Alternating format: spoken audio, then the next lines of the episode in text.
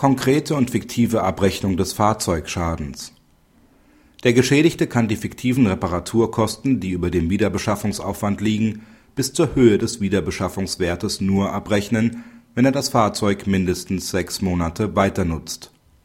Der Wiederbeschaffungswert betrug 39.000 Euro brutto, der Restwert 18.000 Euro brutto und die Reparaturkosten laut Gutachten 23.549,54 Euro brutto der Kläger reparierte das Fahrzeug in Eigenregie und veräußerte es für 32.000 Euro.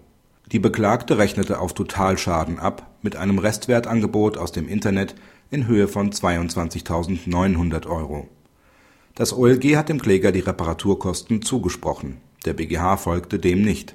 Der Geschädigte kann die fiktiv vom Sachverständigen über dem Wiederbeschaffungsaufwand liegenden Reparaturkosten bis zur Höhe des Wiederbeschaffungswertes nur abrechnen wenn er das Fahrzeug erstens mindestens sechs Monate weiter nutzt und zweitens es zumindest verkehrssicher teilrepariert. Diese Voraussetzungen lagen nicht vor, da der Kläger das Fahrzeug vorher veräußert hat. Zwar kann der Geschädigte in einem solchen Fall auch schon vor Ablauf der sechs Monate Reparaturkosten abrechnen, dies allerdings nicht fiktiv, sondern nur die bis zur Höhe des Wiederbeschaffungswertes konkret angefallenen Reparaturkosten die vom Kläger begehrten fiktiven Reparaturkosten laut Gutachten stehen ihm aber nicht zu.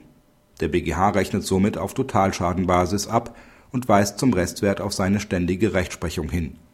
Grundsätzlich ist der auf dem regionalen Markt ermittelte Restwert maßgeblich, im Fall also 18.000 Euro. Praxishinweis Konsequente Anwendung der bisherigen Rechtsprechungsgrundsätze zur Abgrenzung Reparaturfall Totalschaden auch dieser Fall zeigt, dass man sich zuerst darüber klar sein muss, in welcher Abrechnungsstufe man sich bewegt. Für diese Vergleichsbetrachtung sind jeweils die Bruttowerte gegenüberzustellen. Hier ist der Bereich betroffen, dass die Reparaturkosten über dem Wiederbeschaffungsaufwand, aber unter dem Wiederbeschaffungswert liegen